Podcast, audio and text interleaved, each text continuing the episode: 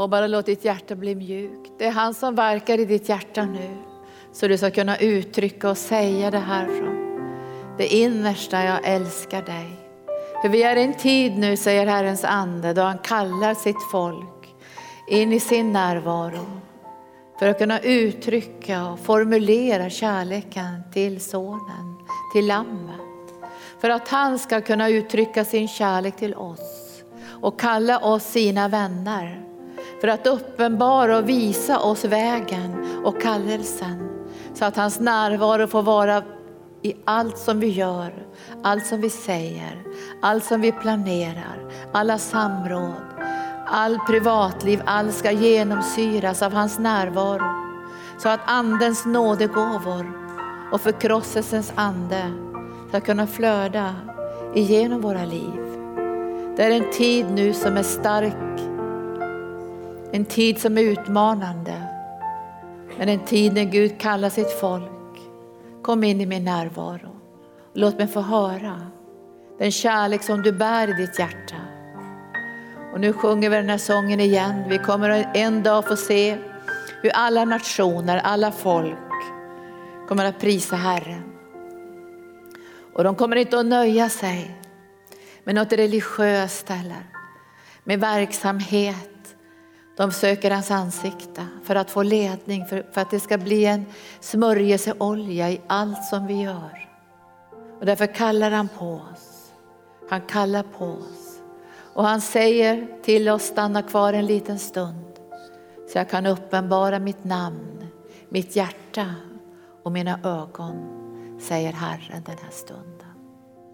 Så nu sjunger vi det här igen, så låter vi den här kärleken bli, men när den går genom Jesus så når den också Faderns hjärta. Den når också Faderns hjärta. Den når änglarna, den når seraferna, keruberna, de äldsta, alla de som är hemma. Så är det en lovsång som rör deras hjärtan och som gör att himlen kan nå in i jorden. För vi ber till Herren, ske din vilja, så som i himlen så och på jorden. Vi önskar att det som är himmelens härlighet ska nå in i den här världen så att människor känner igen det som gick förlorat i syndafallet, den andliga kärleksrelationen med Fadern och Sonen och den heliga Ande.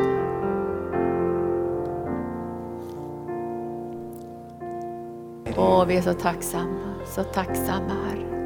Rör vid hjärtan nu Jesus. Har det kallnat? Har det hårdnat? Så är det bara elden som kan mjuka upp våra hjärtan.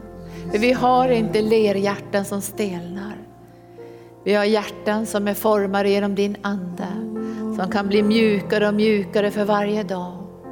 Så vi kan få din ledning, din styrka, din utrustning för att göra den här Tåredalen fylld med källor.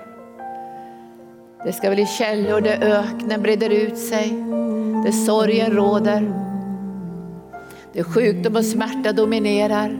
Där ska källor upprättas. Och Herren säger att du är en sådan källa. Och genom din kärlek till mig, säger Herrens ande, så håller du din källa levande och i rörelse. Så jag kan ösa ur den källan för att ge människor liv. Och inte bara liv, utan liv och övernog. Så låt det flöda nu. Så säger du bara till Herren, jag älskar dig. Och så kommer han att tala in i, ditt, i din ande den här dagen och säga, jag älskar dig också.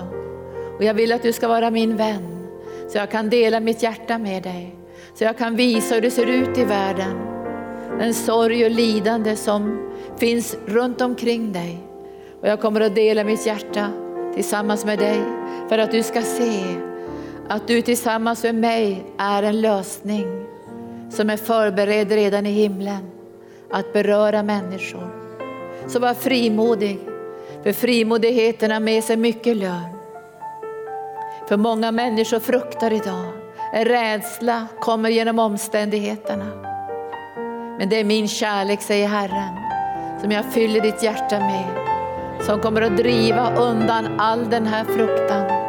Så du får en frimodighet, så jag kan använda dig och förhärliga mitt namn igenom dig. Jesus. Och ni bara känner hur det mjuknar på insidan. Och det är lätt att säga det här. Det bara kommer liksom från vårt hjärta, mer och mer. Tack Jesus. Åh, tack Jesus. Det är tur att vi har ett möte till. Eller hur? Tack Jesus.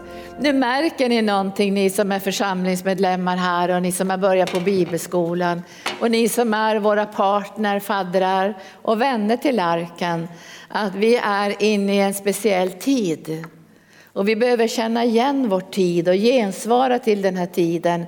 Herren kallar oss att gå in i hans närvaro och att vara inför hans ansikte. Det är den tiden vi upplever nu. Och han kallar på oss. Och en del av oss kommer att känna så här att han säger stanna kvar en liten stund till. Vi ska inte pressa det här. Jag har ju fått vara många, många timmar inför Herren den sista tiden och den här senaste sången. Så jag älskar ju lovsång, den här I love you. Men jag söker ju lovsånger för att få hjälp att stanna kvar i just det som Gud vill göra i mitt liv. Och det är olika saker varje dag i princip. För det är djupen, bredden, höjden och längden. Men, men så kommer vissa lovsånger som, som hjälper mig att nu ska jag stanna kvar tills det mjuknar på insidan. Och då kan man få sitta där och kanske bara 45 minuter och säga jag älskar dig, jag älskar dig, jag älskar dig. Sen glömmer man ju nästan bort tiden. Man kommer in i det här evighetsperspektivet och Guds närvaron. Och här på bibelskolan ska vi öva den här gudsnärvaron. vi ska inte hålla på flera, flera timmar, men vi ska börja med en halvtimme. Och jag märker ju hur, hur god Gud är med sin nåd. Alltså, man, ni kommer in i den här närvaron. Kanske fast kanske ni inte har bett om att få komma in i den, så drar han in er i den här närvaron. Visst känner ni det? Ni som är här kanske för första gången så känner ni, men nu drar han in mig i den här närvaron. Och det är ju nåd, för bön är ju inte prestation. Det är ingenting som vi försöker åstadkomma, utan han kallar på oss därför att han älskar oss. Och vi sa igår så här att det första som är, då säger jag I love you, I love you, jag älskar dig, jag älskar dig. Och så kommer man till en plats i anden där han börjar manifestera sin närvaro och sin kärlek. När han börjar säga till jag älskar dig jättemycket, alltså det brister i våra hjärtan. Det är då som det här helandet bryter fram också för själen och för kroppen. När vi börjar höra hans kärleksförklaring till oss. För så älskade Gud världen att han gav sin enda son. Tack Timo för det härliga kollekttalet. Och det här som säger, ni får inte sitta hemma nu i tofflorna. Nu måste vi komma, vi är ganska många här idag. Vi har haft, en, vi har haft två underbara dagar eh, tillsammans där vi har det, det, är så härligt, för Gud kan gå till det djupaste allvar. När man böjer sina knän och tårarna bara rinner till ren dråplighet. Så jag blev så full i skratt alltså. Jag kände så här, det är så kul att se hur Gud gör och få följa med smörjelsen och samarbeta med honom. Och det kan bli så dråpligt alltså så att jag vet inte hur man ska bete sig. Ja, vi, vi såg ju igår, jag vet inte om det killen är här idag, han som har en sån otrolig längtan som kommer ifrån Örebro. Det står bara längtan över hans huvud. Så varje gång jag ser honom i anden så läser jag ju längtan. Och när man tar fram honom så hinner man inte lägga handen på honom förrän han, han kastas in i smörjelsen. Det ska bli så dråpligt och så underbart. Det går från skratt till tårar, till dråplighet, till, till, till glädje. Igår var det både allvarligt, dråpligt och underbart. Och sen på slutet här så kom det skratt från himlen. Och det står ju det här när vi går in i evigheten så står det att vi ska gå in i Guds glädje. Men jag tror vi kommer att gå in i Guds gapskratt. Alltså vi bara kommer att skratta. Vi kan bara skratta. För tänk när vi går in i himlen så får vi lägga av alla titlar. Alla saker vi har gjort för Gud och alla, alla, alla liksom, ja, utbildningar. Vi får bara lägga av det och så får vi ett nytt namn. Och det nya namnet är egentligen Guds eget namn som vi får bära. Och, men nu, nu har vi mycket sådana här titlar och grejer i den här världen. Men, men det ska bli väldigt spännande och underbart att få komma in i den här smörjelsen som Timo talade om, det varken är man eller kvinna, jude eller grek. Där vi inte liksom bedömer varandra utifrån utseende och ras och gåvor och allt det här utan vi får del av den här underbara smörjelsen genom den heliga ande. Så varenda en ska veta att det här är övernaturligt. Visst är det bra det? Så när Gud använder dig för stora mirakler, du kanske får se människor helade på busshållplatsen eller i bilen eller i bussen, så kommer varenda en att veta att det här är inte du. Du, det här är den helige ande och du bär Guds härlighet i ett lerkärl. Och vi ska be att vi ska få excellens. Jag tycker så mycket om att läsa om Daniel, det står He had an excellent spirit. Han hade en övermåttan hög ande. Alltså det var hans karaktär och hans liv blev påverkat av den här Guds närvaron och jag tror det kommer att ske där också. Pastor Gunnar påminde oss idag att eh, vi får inte glömma insamlingen, den är inte riktigt nått sitt mål än. Så att du kan ge det du vill liksom efteråt här eller när du kommer hem och då skriver du insamlingen. Så pastor Gunnar sänder mycket kärlek och uppmuntran till er. Och, och jag skulle också önska, om du känner för det, att vara med och stödja vår annonskampanj. Vi kommer att fortsätta ända fram till jul, sen kommer vi avsluta annonskampanjen. Utan vi försöker nå de ofrälsta och därför har vi helsidesannonser i olika dagstidningar. Nu kommer det snart en helsida i Aftonbladet som handlar om missionen som vi kommer att göra i Filippinerna. Och sen kommer vi också ha olika annonser om frälsning, andedop, hur man kan få frid med Gud. Så vi är väldigt tydliga med den här kanalen från himlen in i de ännu icke frälstas liv. Så be gärna för de här annonskampanjen. Det kostar ju en hel del men vi känner att vi behöver bana en väg för människor som läser Expressen, Aftonbladet, Svenska Dagbladet. För nu hade vi en annons för någon vecka sedan eller två i Svenska Dagbladet i deras istoppstidning som heter Jakttider. Jakttider. Och då tänkte jag, då ska de väl jaga björnar och vargar och stackars eh, jag på säga eh, älgar. Och så läser de där om ammunitionen och allt det här. Och sen när de bläddrar vidare så kommer de till en sida. Har du ångest? Känner du oro? Helsida. Så finns Sjöhamra gård och vilan hos Jesus. Jag tror ganska många fick en chock när de satt och läste om ammunition och björnar så kom de till, har du ångest, har du oro så kan du komma till Sjöhamra gård och ta emot frid. Så det är många som har kommenterat just den annonsen för den blir så speciell.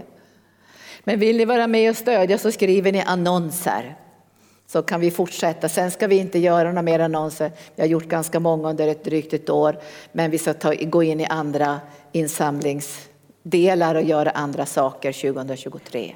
Men vi känner det, vi önskar tala med varandra i hemgrupperna vad Gud gör nu. Han kallar oss in i sin närvaro. Och jag märker att han kallar på mig eh, gång på gång och nu har vi mycket att göra i arken. Och alla medarbetare som arbetar här, vi är många anställda, jag tror vi är över 38 anställda och vi har också anställda i andra länder, att vi ska praktisera Guds närvaro och ge utrymme för Jesus i allt som vi gör. Vare sig vi arbetar med data eller med eller med praktiska saker eller planerar och samordning ska vi ge utrymme för Jesus och hans närvaro och inte glömma bort att han är där vid skrivbordet, vid datan och påminna oss om dem gång, någon gång då och då när vi sitter och jobbar. Jag älskar dig, jag älskar dig. Jag vet om att du är här nu Jesus. Bara fyll mig nu med din närvaro. Dra mig in i din närvaro för då blir det lättare för oss att betjäna andra. Vi går inte bara från arbete arbete sen i betjäning, utan vi är med Jesus i den här starka gudsnärvaron, vare sig sitter vid datan, skriver ett brev eller mejlar eller jobbar med missionssaker och när vi betjänar människor i våra bönerum. Visst är det så? Vi flödar i den heliga ande. Och det här är något som sker också nu i den här lovsångsutbildningen, att jag ser ju det jag tittar på er också, att ni prisar Herren. Jag ser på era ögon, era händer, jag ser liksom hur ni bara vill stå i den här närvaron. För vi är en lovsjungande församling. Vi älskar Jesus. Så lovsång är inget uppträdande. Det är inte något som vi river av så nu tar vi tre lovsånger. Utan det är vår kärleksförklaring. Det är vår så vi älskar honom. Och därför är jag så glad också när vi startade bibelskolan att alla elever var här från början i lovsången. Och det är något som vi längtar efter nu, att ni ska stå och knacka på dörren här för att komma in. Därför kungen är här och ni vill ge honom er kärleksförklaring. Och jag tror att det kommer hända något i anden. Och det jag har sett nu under den här sommaren är att vi kommer snart att få se de stora miraklerna. Kraftfulla helanden. Men vi kommer också få se hur mängder med människor kommer att bli frälsta. Och det kommer bli djupa frälsningsupplevelser med förkrosselse. Alltså djup förkrosselse på insidan där man lägger undan saker därför att den första kärleken är inte en teknik. Den första kärleken är inte ett program eller något sånt där, inte ens en känsla. Den första kärleken som Jesus talar om när han talar till Efesierna och säger ni har övergivit er första kärlek så handlar det om honom själv. De hade övergivit honom. De hade blivit så duktiga i sitt andliga arbete att de inte längre behövde honom. Men i arken har vi inte det problemet. Utan vi säger vi behöver det varenda sekund, varenda minut, vi behöver det för allting. Jesus, kom helige ande, nådegåvorna, kom med din närvaro. Alltså det här lever vi i hela tiden. Men tänk att de här i Efes, Efesierna som hade det här fantastiska brevet var så duktiga att de inte längre behövde Jesus. De, de, de övergav det här. De, de övergav honom. Vi ska aldrig någonsin överge Jesus. Aldrig någonsin. Han ska alltid känna i allt vi gör, missionen, det praktiska, så ska han ha huvudrollen om man säger så. Han ska leda, han ska inspirera och vi ska hämta styrkan och vägledningen hos honom. Nu ska jag predika börja i Efesierbrevet. Jag har några bibelställen som jag kände att Herren la på mitt hjärta tidigt i morse när jag var uppe och bad och sökte honom så la han de här orden i mitt hjärta och jag har en bävan i mitt innersta när jag läser just det här ordet ifrån Efesierbrevet kapitel 1. Där, Herren, där Paulus ber. Och jag ska inte läsa riktigt allt men, men han i 17 versen 1 och 17 så säger han, jag ber att vår Herre Jesu Kristi Gud, härlighetens far, ska ge er vishetens och uppenbarelsens ande så ni får en rätt kunskap om honom. Jag ber att era hjärtans ögon ska få ljus så ni förstår vilket hopp han har kallat er till. Hur rikt på härlighet hans arv är ibland de heliga och hur oerhört stor hans makt är i oss som tror därför att hans väldiga kraft har varit verksam. Det här är ett otroligt starkt bibelställe. Men om jag går hem idag och läser det här, då läser jag det på ett annat sätt. Då läser jag det i tungotal. Jag läser det i bön. Jag, ber, jag stannar vid de olika orden och ber att han ska komma med uppenbarelse. Och då tar det lite längre tid. Men så står det så här i, i den 22 versen, jag, måste, jag tror jag måste läsa, jag läser från 20 versen. Att den kraften lät han verka i Kristus när han uppväckte honom från de döda och satte honom på sin högra sida i himlen högt över alla härskare hör nu här, högt över alla härskare och makter, krafter och herradömen och alla namn som kan nämnas, inte bara i denna tidsålder utan också i den kommande. Allt la han under hans fötter. Och nu kommer det här som ger mig sån otrolig bävan. Och där, och honom som är huvud över allting honom som är huvud över allting gav han åt församlingen som är hans kropp, fullheten av honom som uppfyller allt i alla. Han gav Jesus till världen, det läste jag igår, jag citerade det igår. Men världen förvaltar inte uppenbarelsen om Jesus. Många tar emot honom, andra förkastar honom. Vi önskar att alla ska ta emot honom, men det är församlingen som förvaltar uppenbarelsen om Jesus. Han har inte gett idén om Jesus eller värdegrunden om Jesus eller tankarna om Jesus eller ens ett kärleksbrev om Jesus. Han har gett honom själv till oss. Det griper mig med fruktan och bävan. Det griper mig med som bävan att jag kan känna en vånda inom mig att vi skulle skada Guds verk. Att vi skulle skada Guds församling. Att vi skulle bli kanaler för splittring eller förstörelse på helig plats. För jag sa igår att det, det börjar hända något. Alltså jag, när man ber ganska mycket så märker man att, att evigheten, eller inte evigheten, men and, andevärlden kommer närmare. Och jag sa till pastor Gunnar i morse, när jag har bett mycket den här sommaren och det här året så, så ser jag inga demoner. Alltså jag tänkte, ska jag se mycket demoner nu och falska änglar och all möjlig orenhet? Jag har inte sett det. Jag har bara sett Jesus. Och så förnimmer jag att vi har änglar omkring oss. Som liksom går upp och ner för att välsigna Jesus. Och när du och jag är i Jesus så får vi del i välsignelsen. Visst är det så? Upp och ner går de. Och jag förnam, oj tänkte jag, är det änglar här? Och då måste vi stå på helig mark. Och där, därför det här är en bävan. Alltså när Gud har gett Jesus till oss som församling, han har gett Jesus till alla församlingar.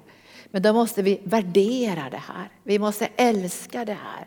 Vi måste prioritera det här. Därför han är den första kärleken. Han är den första kärleken. Han måste vara först.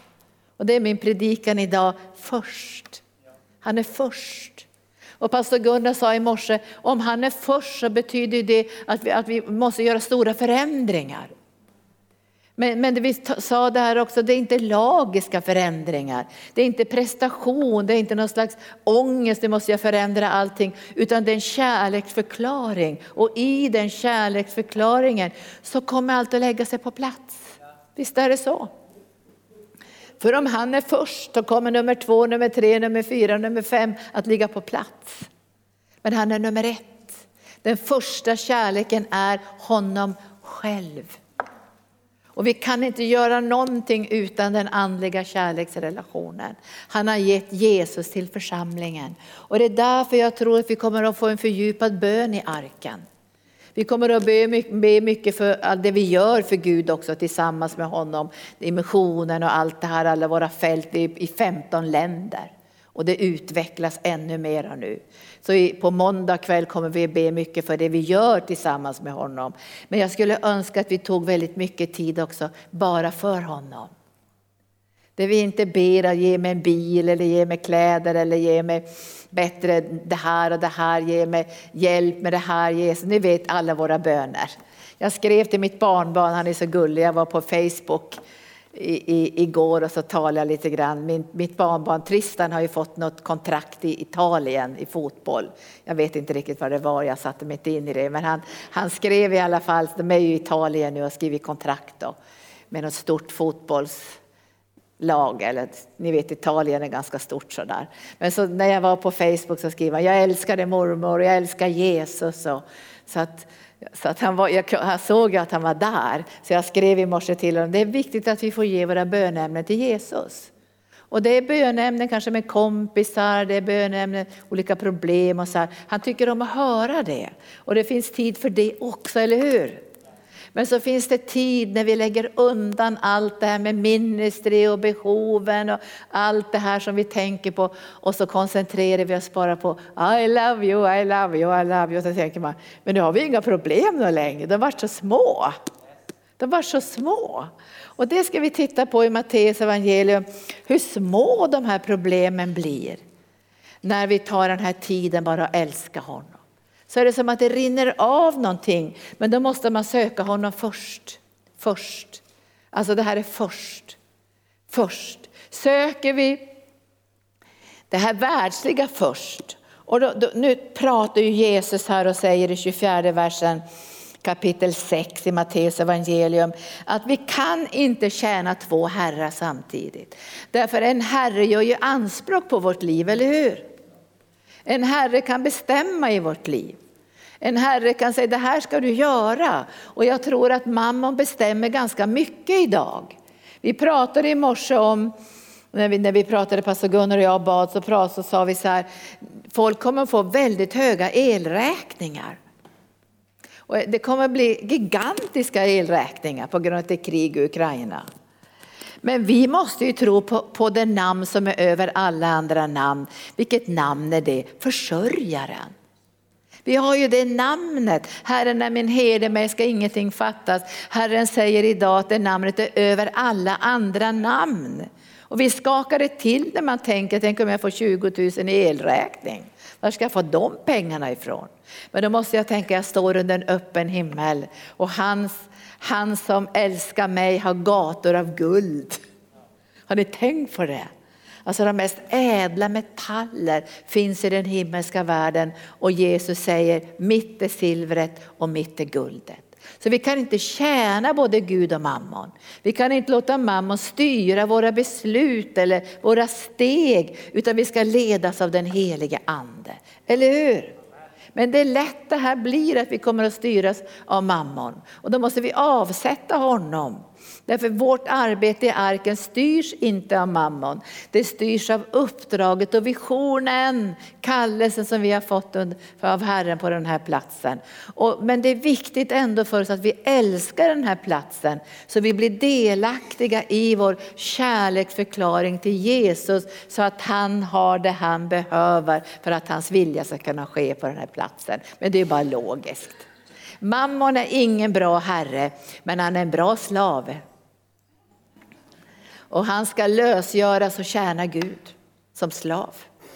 Alltså vi ska lösgöra pengarna, föra in dem i Guds rike genom bönen. Vi lösgör mammon. Vi lösgör mammon för Filippinerna, för Uganda, för Vitryssland. Vi lösgör mammon, men han är ingen herre. Men han får vara slav för Jesus. Och så står det så här, vi kan inte tjäna två herrar. Antingen kommer man att hata den ene eller älska den andra. Eller hålla fast vid den ene och förakta den andra. Ni kan inte tjäna både Gud och mammon. Och sen säger han, därför säger jag er, bekymra er inte för ert liv. Alltså vi, vi talade i morse, pastor Gunnar och jag, vi får inte släppa in bekymmer. Omsorg är en sak, men bekymmer är någonting annat. Omsorg är någonting vackert, eller hur? Vi har omsorg om varandra, vi har omsorg om församlingen, men vi är inte oroliga. Vi har inte bekymmer, men vi har omsorg. Och omsorg stärker vårt hjärta. Bekymmer bryter ner oss. Så vi har gjort beslut, vi släpper inte in bekymmer. Men vi släpper in omsorg och vi släpper in kärlek. Men han säger bekymra er inte för ert liv. Och sen säger han se. Och ibland behöver man gå ut och titta för att se. Vi har massor med skator i vår trädgård. För de äter på frukten där. Och sen har vi harar också. Flera stycken harar bor hos oss. Och Aston blir så sur, våran hund, hararna kommer sen och går upp på morgonen och tittar, finns det några kråkor och skator och finns det några harar så skäller han på dem en stund, sen kommer de tillbaka. Men han säger bekymra er inte för ert liv. Och, och så säger han, titta på fåglarna, titta på liljorna. Han föder ju dem. Är inte ni mycket mer värda än dem? Och sen säger han, vem kan med sitt bekymmer lägga en enda al till sin livslängd? Är en al en halv arm? Någonting sånt va? Om jag kunde förlänga mitt liv med 30 år så skulle jag bekymra mig, vet ni det? Om jag kunde det. Då skulle jag säga kom bekymmer, för jag vill leva 30 år till. Men du vet att bekymmer bryter ner oss. Alltså vi, bekymmer förlänger inte vårt liv, tro förlänger vårt liv. Förtröstan förlänger vårt liv. Överlåtelse till Herren förlänger vårt liv. Och sen säger han, varför bekymrar ni er? Varför har ni så lite tro? Det här kan ni läsa själva. Varför har ni så lite tro? Och nu talar inte han om tro som en prestation, han talar om tro som en person. Ni ska tro på mig, på min omsorg, min kärlek, min vägledning. För om tro blir en prestation, då kommer vi att gå under. Eller hur? Då kommer vi att utmana varandra. Har du någon tro? Har du någon tro? Jag har ingen tro på mig själv, men jag tror på Jesus. Att han klarar av allt det som jag inte klarar av. Visst är det skönt att tänka så? Man blir så fri på insidan. Man får en sån vila. Och, och det blir så, han kan överraska med så roliga grejer också. Så man bara går och skrattar åt allt sammans. Det blir dråpligt. Men nu ska vi se vad han säger. Sök först. Först, först, först. Nu händer det någonting i andevärlden i Sverige. Det blir ett skifte. Det blir ett skifte för vi kommer att söka först. Söker vi position, söker vi ära, vad söker vi för någonting? Och jag sa igår att jag har bara en enda bön för det här valet som kommer nu nästa söndag. En enda bön har jag. Det är den här bönen, låt de högmodiga stiga ner och låt de ödmjuka träda fram. Har du några som har ödmjuka hjärtan, ge utrymme för dem. Men de som är maktgalna och söker sitt eget position och så, flytta ner dem. Ge dem något annat att göra. Vad säger ni om det? Och så får Herren liksom rustera om, för vi känner ju inte människors hjärtan. Vi vet ju inte vad de bär på insidan, men Gud vet det. Och han kan leda konungars hjärtan som vattenbäckar. Och vi får inte få ledare i Sverige som är maktgalna. bråkstakar och maktgalna. Det blir sånt klimat så att man mår illa. I arken ska vi ha det ljuvliga, fridfulla, kärlekscentrerade, Jesusfokuserade klimatet. Och vi ska vara rädda om varandra. Tycker ni om det jag säger nu?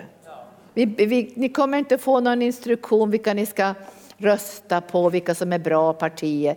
Utan ni ska be den här bönen som Maria bad också det här att du har flyttat ner de högmodiga och du har upphöjt de ödmjuka. Och sen måste ni följa era hjärtan och se vad är det ni vill stödja.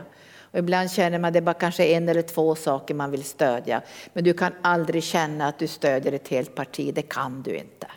Du kan inte det.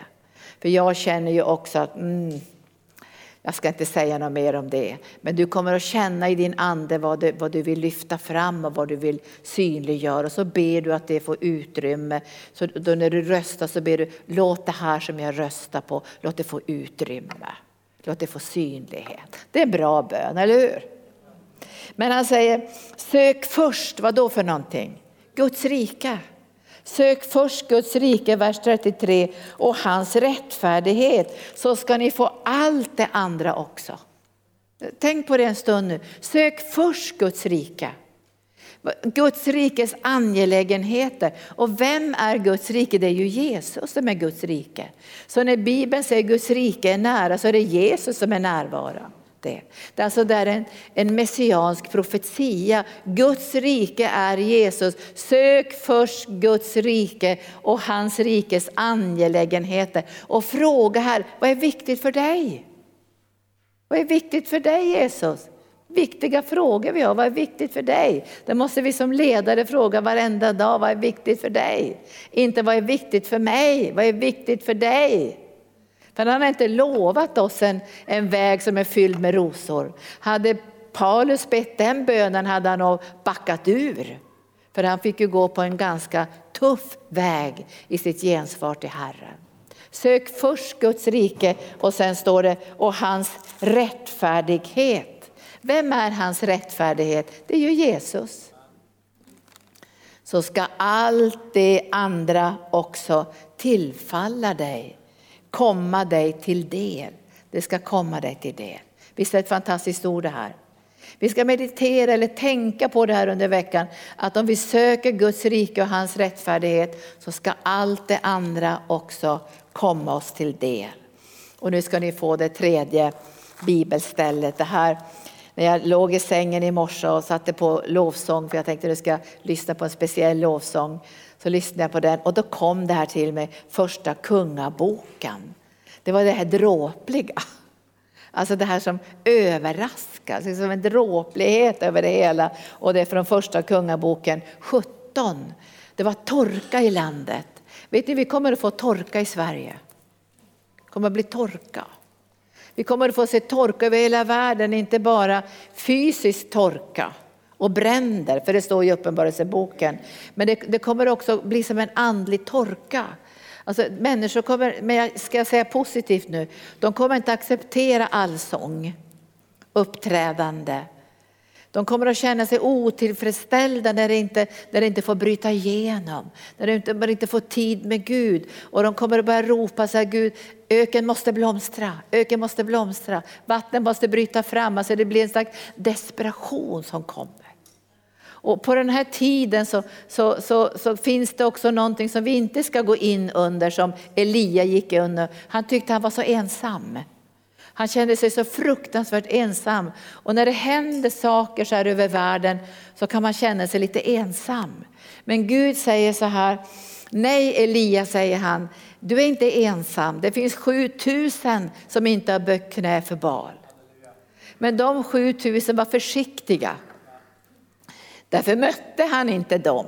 Men han var ju så här utmanande och kraftfull och frimodig i sin kallelse och i sin tro. Det vet vi ju. Så var det torka. Och då sa Gud till honom att han skulle få vatten ur bäcken och sen skulle fåglarna komma med mat. Jag vet inte om du skulle vilja ha maten som kommer genom fåglarna. Jag vet inte vad de där skatorna äter. Klart de är i träden och äter frukter, men jag tror att de äter allt. De, de hackade sönder en fågel häromdagen.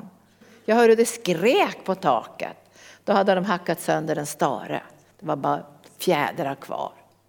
Men vad äter de för någonting? Så det ska bli ganska kul att prata med Elia en gång i framtiden. Stekte du det där som de kom hur bad du, hur bad du bordsbönen? Bad du som jag brukar be i Indien, så här länge så här, kom heliga ande, kom heliga ande med maten. Men då skulle han få den där korparnas mat och kom de med mat varje dag. Det, visst är det ett mirakel? Det är ett mirakel att de kom. För Gud måste ju ha lett de här korparna att hämta mat åt honom. Hoppas det inte var några kadaver de hittade någonstans. Jag brukar fantisera de här grejerna. Men så tog allt slut. Korparna kom inte en dag. Bäcken sinade och då kommer Herrens ord till honom. Han säger så här i åttonde versen. Då kom Herrens ord till Elia. Han sa, bryt upp och gå till Serefat som hör till Sidon. Det var ju utanför gränserna nästan till Israel och stanna där. Se, jag har befallt en änka, en miljonär borde det stå, att ge dig mat. Jag har befallt en änka. Och han visste ju att en änka har faktiskt ingen mat. Hon har ingen försörjare. Hon har inga möjligheter att ge profeten mat.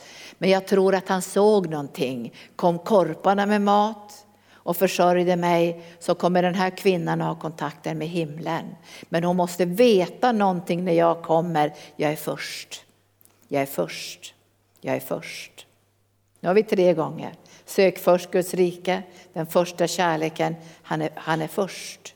Och det här är viktigt när vi ger till Herren också. Jag skulle aldrig vänta och ge mig tionde. Så jag tittar, har jag råd att ge mig tionde? Han är först. Han är först.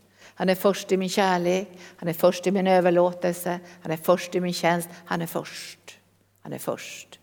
Och det här visste Elia för att det här är så grymt. En del som har predikat det här tycker Elia är stenhård och hemsk när han säger de här orden. Nu åker han dit till Serafat och när han kom till stadsporten, jag tycker det är så humoristiskt, fick han där se en änka. Och då måste han ju ha hört från Gud att det är hon. Men det var ju fel änka egentligen, det borde ha varit en änka till en jätterik man. Eller hur? Och så står det att hon samlar ved. Då ropar han till henne, hämta lite vatten åt mig i kärlet så jag får dricka. När hon gick för att hämta det ropade han efter henne, ta också med en bit bröd åt mig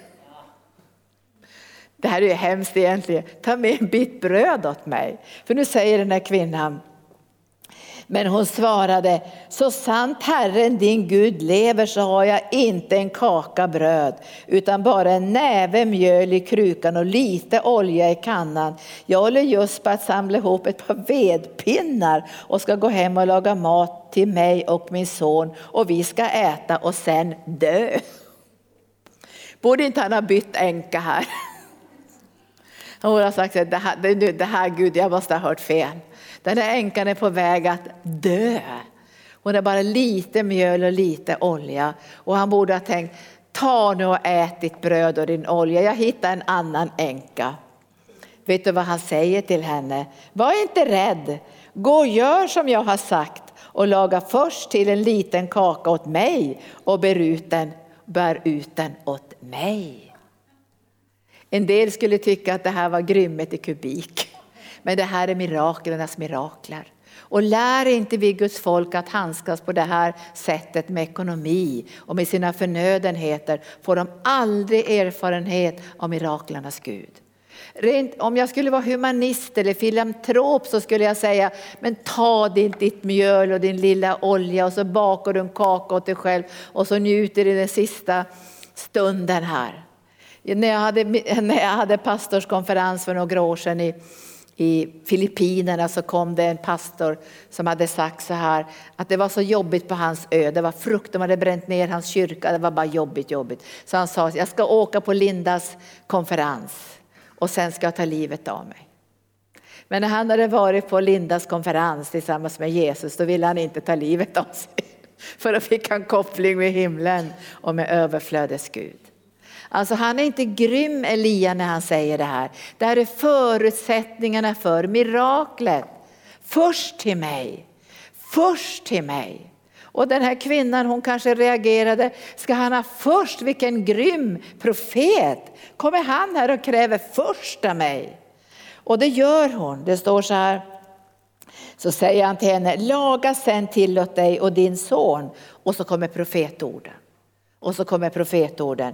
För så säger Herren Israels Gud, mjölet i krukan ska inte ta slut och oljan ska inte fattas i kannan fram till den dag då Herren låter det regna på jorden.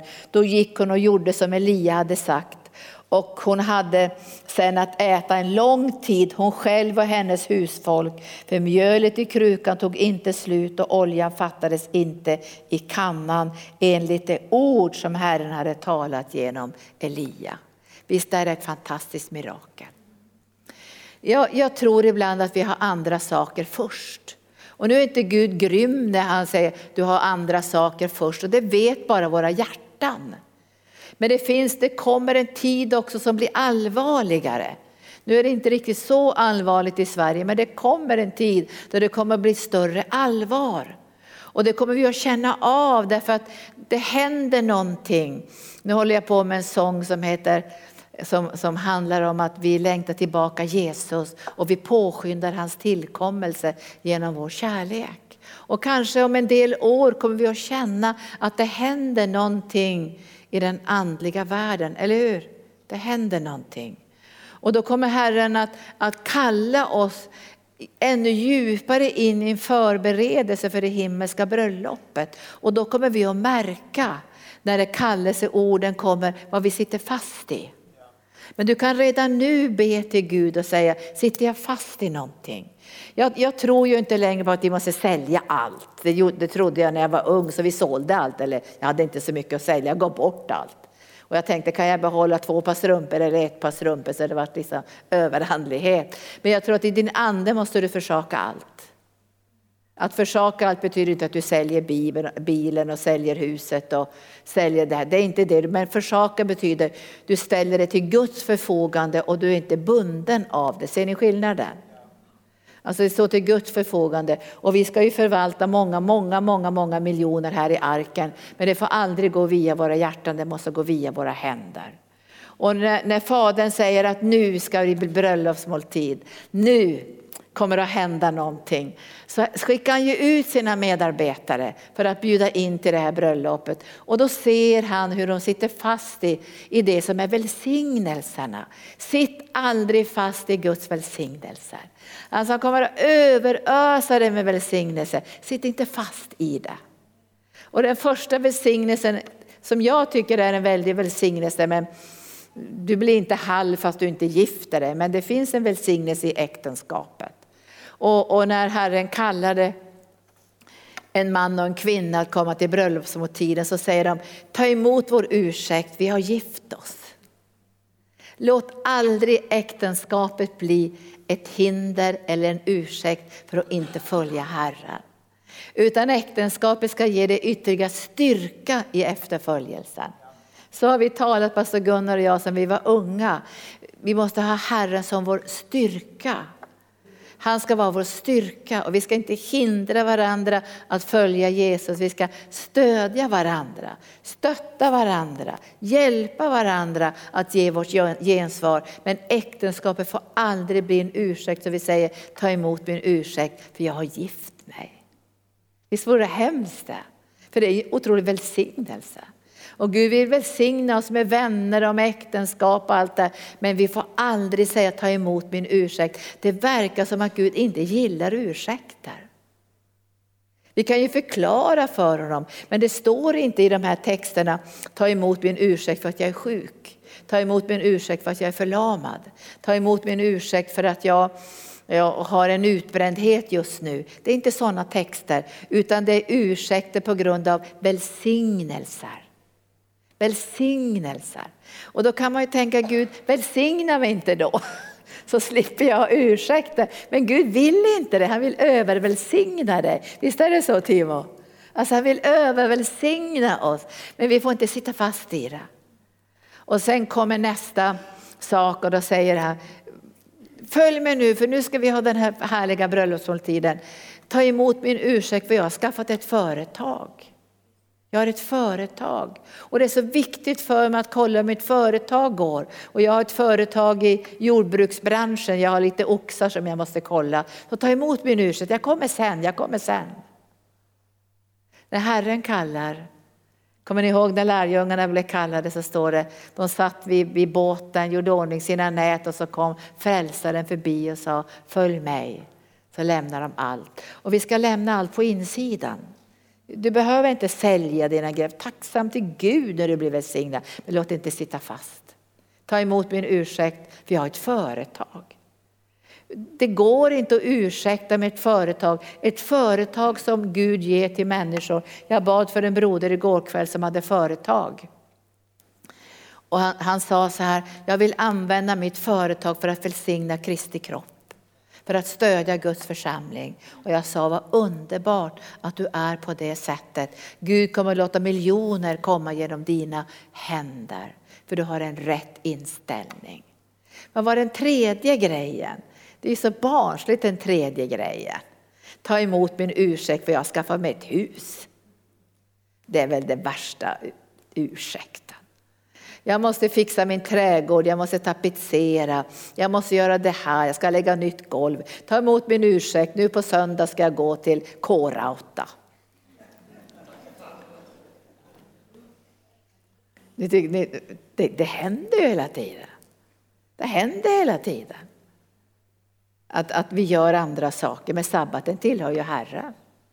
Jag tror aldrig jag har tänkt att ska jag göra något annat på sabbaten. Tillhör Herren. Det är Jesus som är sabbatens Herre. Men det här, vi vet inte alla gånger vad det är som är våra ursäkter. Och jag tycker det vore det jobbigaste är om, om vi ser det i mötet med Jesus, han kallar på oss. Men vi kanske redan nu när vi är i hans närvaro säger, Herre är det någonting som jag sitter fast i? Är det något som håller mig bunden? Är det något som, som, som hindrar mig? Och det kan ju vara jobbet som hindrar dig. De tar dina söndagar. De tar din tid så mycket att du är så trött så du orkar knappt gå på ett möte. Då, då, är ju det ingen ursäkt. Och du säger, Gud jag är så jättetrött, jag har fått jobba dubbla skift och de utnyttjar mig på jobbet och det fattas folk och, och jag är så trött när jag kommer hem så jag kan bara kasta mig framför tvn. Ja, men det är ingen ursäkt, utan då måste du gå in i en hemliga bok och be om favör. Och du måste lösgöra dig från ett ogudaktigt jobb för att kunna tjäna den levande guden. Du måste lösgöra dig ihop med Jesus och säga sabbaten tillhör dig. Jag vill inte vara så trött så att jag inte orkar tjäna dig. Och så kommer du till Gud med de här sakerna så hjälper han dig, eller hur? För världen ska inte ta det bästa. Du ska ha kraft i dina barn eller kompisar och församlingslivet. Så det här behöver du sätta stopp för, för det får inte bli en ursäkt. Visst predikar jag bra nu? Nu känner, känner vi det här. Men jag ska, det finns ingen fördömelse i det. Och jag, det första jag sagt till eleverna nu när vi har startat bibelskolan, nu ska ni lära er att avvisa två saker. Måste, det är det första vi lär oss på bibelskolan, anklagelse och fördömelse. Det måste vi avvisa. Och veta, det kommer inte från Gud. Det avvisar vi på en gång. För Gud är god. Och alla förändringar som han gör i ditt och mitt liv sker genom kärleken. Och det måste ske genom den fria viljan. Men när man väl får del i den här närvaron av Gud, då känner man så här, jag skulle kunna ge bort allt, jag vill inte ha kvar någonting. Och det vill ju Gud att vi ska ha. Men man kan känna så, Gud jag vill, jag vill inte gå med någon tung packning, jag vill, jag, vill, jag vill vara fri så jag kan tjäna dig. För det är så många, många saker som Gud kommer att utmana oss med här i Arkan. Vet ni det? Nu åker ju Göran och, och Else-Marie och Jennifer till Uganda. Och jag har sagt så här att jag är inte säker på att vi kan hjälpa det här barnhemmet. Vi får se vad församlingen och Guds hjärta säger. Men det är 74 övergivna barn som, in, som har förlorat alla sina sponsorer, som inte ens haft mat för dagen. Och de skickade en bild och de såg så gulliga ut. Så jag tänkte, ja, vi, vi får se Herre, vi får se, vi får se vad vi kan göra, vi får se vad du har på ditt hjärta. Och så är det flera andra projekt som Gud lägger på vårt hjärta. Men jag tackar Gud för att vi har redan fått nio av de tio husen i Filippinerna. Pengar, visst är det härligt? Så alltså Gud är nådefull i det här. Men jag vet ju att, att om vi sitter fast i för många saker så kan inte Gud lösgöra gåvorna i arken. Och en gång klagade jag till, till Roger Larsson. Vi måste få in fler människor utifrån, vi måste få in folk som kan de här sakerna, vi måste få in folk här. Jag måste importera folk från olika håll. Och sa han, det ska du inte göra, sa han. Allt som du behöver och ni behöver i arken finns i arken. Men det måste lösgöras. Det måste lösgöras så det kommer i funktion. Visst var det vackert? Då? Men vad, vad Gud visar på en kille här. Oskar, gå och hämta honom. Det sitter där, det är bara ditt huvud som syns. Varför pekar Gud ut den här killen? Ja, du sitter där. Du sitter där. Var kommer du ifrån? Du kommer från Upplands Väsby. Du har varit här förut va? Eh, en gång tidigare. En gång tidigare. Varför tror du Gud pekar ut dig? Jag upplever att Gud har kallat mig till att vara en ledare. Han har kallat dig att vara en ledare. Väldigt bra. Nu kommer, nu, kommer, nu kommer det hända många saker i dig också. Kommer du ihåg vad Daniel gjorde för att bli en bra ledare? Han åt inte kungens mat. Han drack inte kungens smutsiga vin. Han drack inte det. Han höll sitt hjärta väldigt rent. Och så kom det en excellens över honom med smörjelse. Nu ska du få komma fram. Tack Jesus. Halleluja. Visst är det underbart det här att man känner att man vill vara en ledare. Men det står ju att en ledare får en, desto strängare, det ska vi inte säga resten av meningen. Men det är så här att när man har den här längtan efter att vara i ledarskap så förverkar Gud först och främst på karaktären. Därför den som vill vara störst ska vara de andra tjänare och den som vill vara främst, alltså en ledare, måste vara de andras, vad står det? Slav. Det betyder inte att man är fastbunden, det betyder att man har lagt ner sitt liv så mycket att man inte sticker när det blir jobbigt. För en ledare får inte vara lejd. Och ibland någon har sagt så här, ska inte du pensionera dig Linda? Ja, det skulle jag kunna göra om, om jag såg arken som ett arbete. Men om det är en kallelse så finns det inget sånt. Och vill man vara en ledare efter Guds hjärta så finns det inte någon tid i livet där man säger nu slutar jag med det här. Kallelse är någonting djupare. Därför att en lejd herde sticker när det blir jobbigt. Då sticker den lejda herden. Men en sann herde från Jesu hjärta ger sitt liv för fåren. Och du ska bli en sån herde, en sån ledare. Då ska vi be för dig. Tack Jesus. Tack Jesus. Åh, oh, det kommer en smörjelse nu, det kommer en smörjelse, det kommer en smörjelse. Åh, oh, bara smörj honom nu, helige underbara Fader. Jag ser en smörjelse, jag ser en längtan som Gud har lagt i ditt hjärta. Att vara en ledare efter Guds hjärta. Så kom nu helige Ande och så påbörja, upp nu kommer det, nu, ta bara emot nu, ta emot nu, tack Jesus. Tack Jesus. Ska någon av er förebedjarna bara fortsätta be för honom? Timo, nu får du be. Nu känner jag att det är vad som överförs nu. Det överförs någonting från Timo. För Timo är en fantastisk ledare, är han inte det? Fantastisk ledare. Han är både stark och mysig också. Tack Jesus. Så nu kommer det här över den här brodern. Nu kommer de att bli skakade i Upplands Väsby. Jag vet inte vilken församling det är men det kommer bli en liten skakning där och säga, vad har hänt med den här brodern? Vad har hänt med honom? Därför ledarskap känns igen. Det känns igen. Ledarskap känns igen. När det väl börjar bli upprättat känns det igen.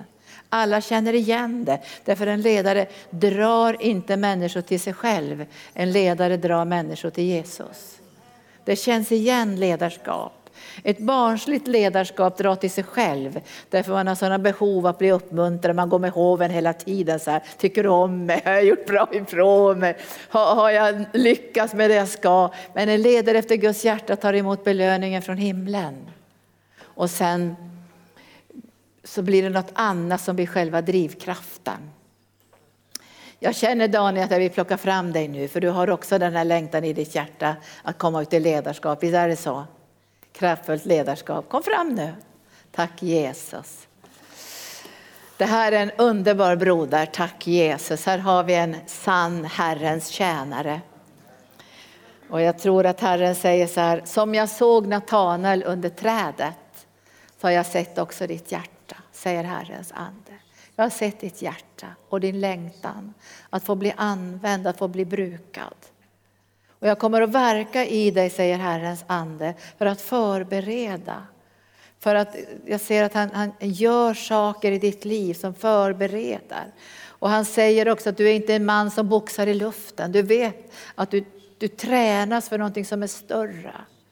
Och jag hör att Herren säger att den som springer den här loppet får bara en segerkransen, men du ska springa som den som ska ha segerkransen. För en segerkrans som kommer från himlen är inte av det slag som kommer ifrån världen. Och jag ser att under den här hösten, under det här året så kommer det att ske någonting i ditt hjärta som blir en djupare förberedelse för det som Gud har planerat för dig. Så kom helige Ande.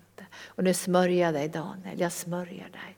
Jag smörjer dig, jag smörjer dig. För det som Gud har lagt i ditt hjärta, dina gåvor, din kallelse. Nu kommer kraften, nu kommer kraften, nu kommer kraften, kom helige Ande. Åh, tack Jesus. Nu känner du bara en skakning, bara en skakning, det är en skakning nu. Det är en skakning, det är en skakning, det är en skakning, det är en skakning. tack Jesus, tack Jesus, tack Jesus, tack Jesus. Tack Jesus, tack Jesus, tack Jesus, tack Jesus.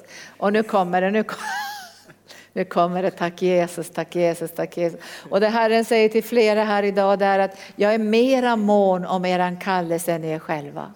För jag har investerat min förmögenhet i era liv. Det är min förmögenhet. Och jag vakar över min förmögenhet, säger Herrens ande.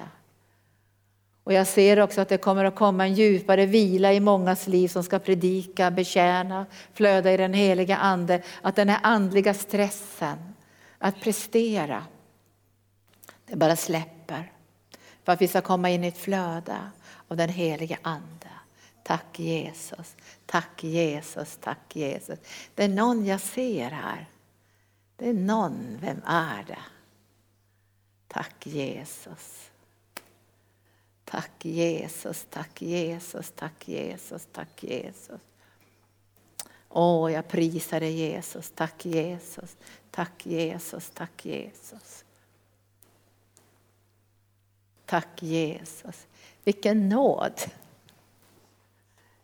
Nu kallar jag fram dig. kallar jag fram dig. Jag tror också att du har en längtan efter ledarskap, visst är det så?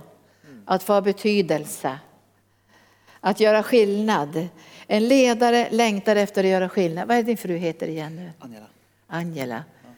Tappa bort ditt namn. Tappa bort Patrik. Patrik. Hur är det med Angela? Bättre? Lite bättre. Ja. Tack Jesus. Men nu några förebedjare ska få komma fram så ska vi be för Patrik. Du tillhör församlingen, eller hur? Ja. Jopp, jopp, jopp, jopp. Det är många som tillhör församlingen, också i arken, som Herren har en längtan efter att de gåvor som finns i deras liv ska få utrymme. Visst är det så? Att han längtar efter det. Göran och Karina, ska ni komma fram och be? Alltså han längtar efter det. Och jag tror att Patrik och hans hustru har en speciell plats i Guds hjärta men också i församlingens hjärta. Så bara sträck ut era händer så bara löser vi ut den här smörjelsen. Kom, nu kommer Guds kraft Patrik över dig, nu kommer Guds kraft. Horasiki, etroko, atra, antro, antro, antro, antro, antro, antro. Åh, jag bara prisar dig Jesus, bara jag lyfter Patrik inför dig. Och jag ser i anden nu, det finns gåvor här som ska utvecklas, gåvor som ska bli synliga, gåvor som ska träda fram. Ett inflytande, ett inflytande säger Herrens ande, ett inflytande av min kärlek. För det jag har investerat i dig ska komma mig till del och mitt rike till del och min längtan till del. Och jag har rört vid dig idag, jag kallade dig hit för att påminna dig om att du bär en skatt i ditt hjärta. Bara flöda helige ande. Flöda, nu kommer Guds kraft, nu kommer Guds kraft, kommer Guds kraft, nu kommer Guds kraft, kommer Guds kraft. Tack Jesus. Åh, det bara kommer nu, det kommer nu, det kommer nu. Tack Jesus. Nu, nu, nu kommer det, bara låt det flöda, låt det flöda, låt det flöda. Bara, bara, du kan lägga den ner om kraften över dig. Aprosotostrokiria etrogoria. Tack Jesus, tack Jesus, tack Jesus. Vilken nåd utöver nåd, utöver nåd, utöver nåd. Och då tänkte jag så här att bara slänger ut det så här att du som nu idag kanske är allihopa här som känner att, jag, eh, att man behöver inte känna att man ska ha en ledarposition eller ledarsmörjelse. Ni vet inte hur mycket det blåser på toppen. Alltså det blåser bra rejält på toppen.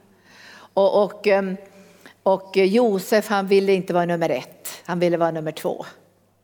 Alltså det var ju farao som var nummer ett. Och man behöver inte känna sig jag måste komma till det högsta ledarskapet eller ha väldigt mycket ledarskap. Man kan känna så här, jag vill vara medarbetare till Jesus. Och jag tror när man börjar på den vägen så ser man också med tiden om det växer till ett ledarskap. Men det är inte alla som ska vara i ledarskap. En del ska inte orka vara i ledarskap. Så jag inte orkar liksom leda på det sättet som man måste göra bedömningar och beslut, alltså som till och med kan vara lite jobbigt. Men vi kan alla vara medarbetare därför vi är medlemmar i församlingen. Vi är lämmar varandra till tjänst i den här församlingen. Så jag känner att vi ska be för det en liten stund. Att, att, att, jag ber bara kort det här att du ska känna att den gåva du har är så viktig för han har ju investerat i dig. Eller hur? Vad har han investerat i dig? Vet du det? Vad har du för gåvor då? Vad, är huvudgåvan i dig? Är det att predika eller administration eller barn eller ungdom? Eller vad är huvudgåvan? Är det lovsång? Vad är det för något? Mission? Vad är det? Vet du det? Vet du det? Hon vet inte det, men då får Abeba komma.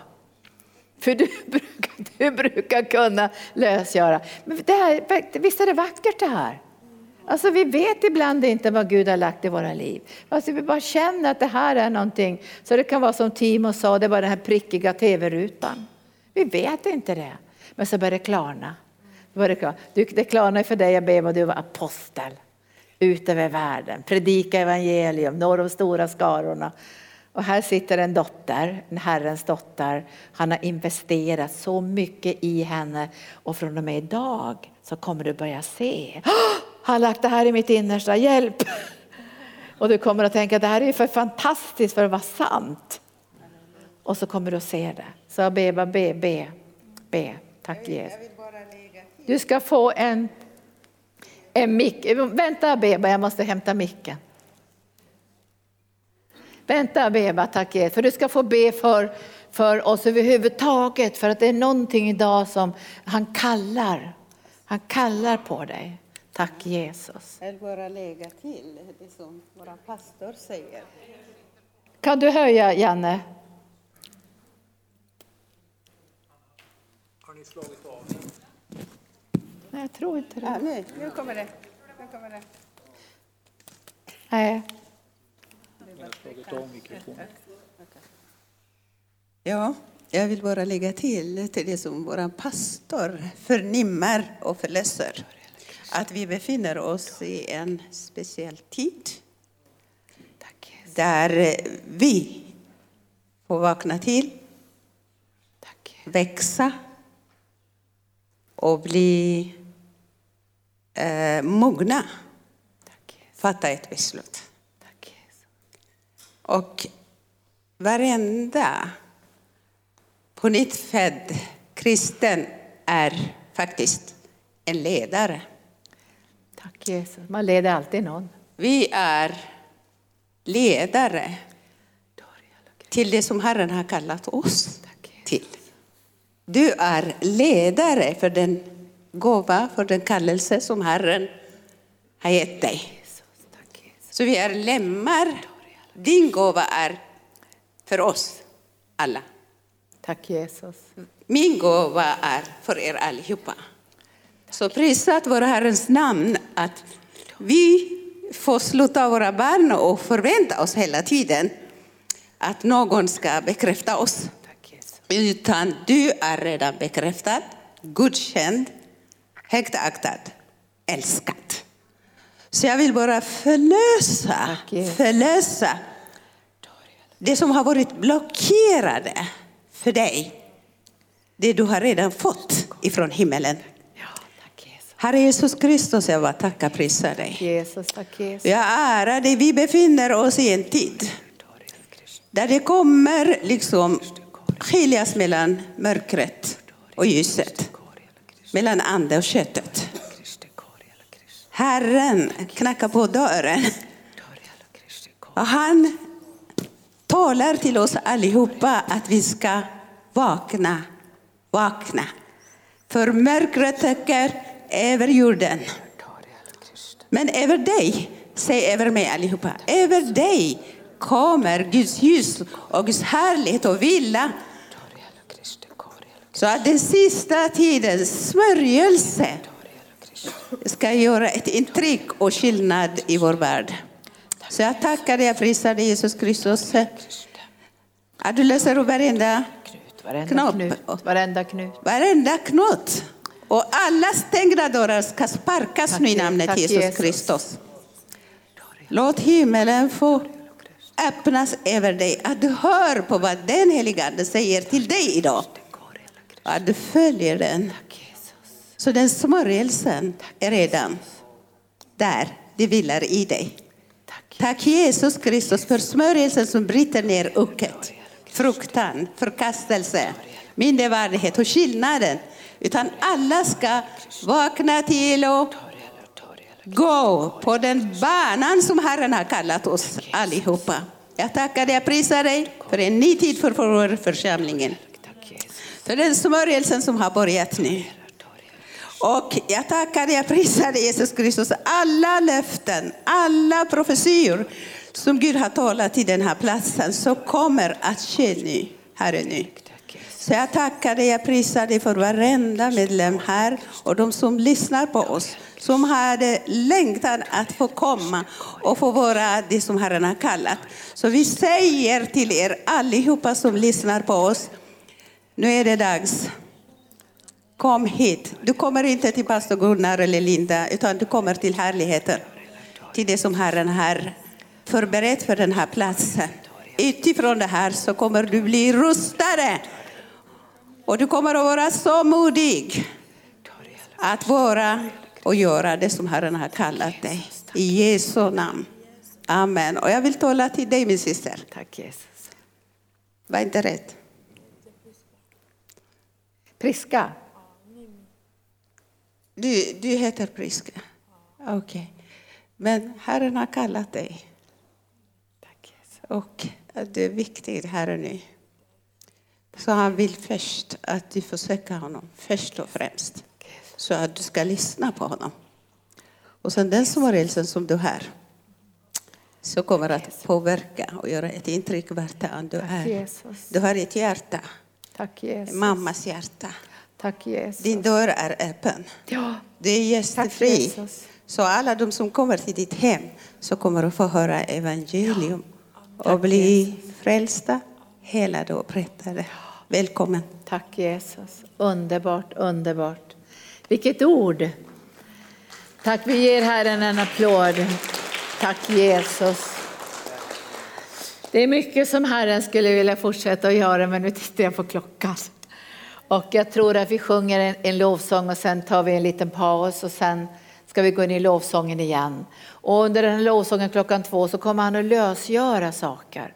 För, för när man har gått igenom prövningar också. Jag gick igenom en svår prövning för många, många år sedan, en skilsmässa för jättemånga år sedan. Det var ju lite snurrigt där i Jesusrörelsen.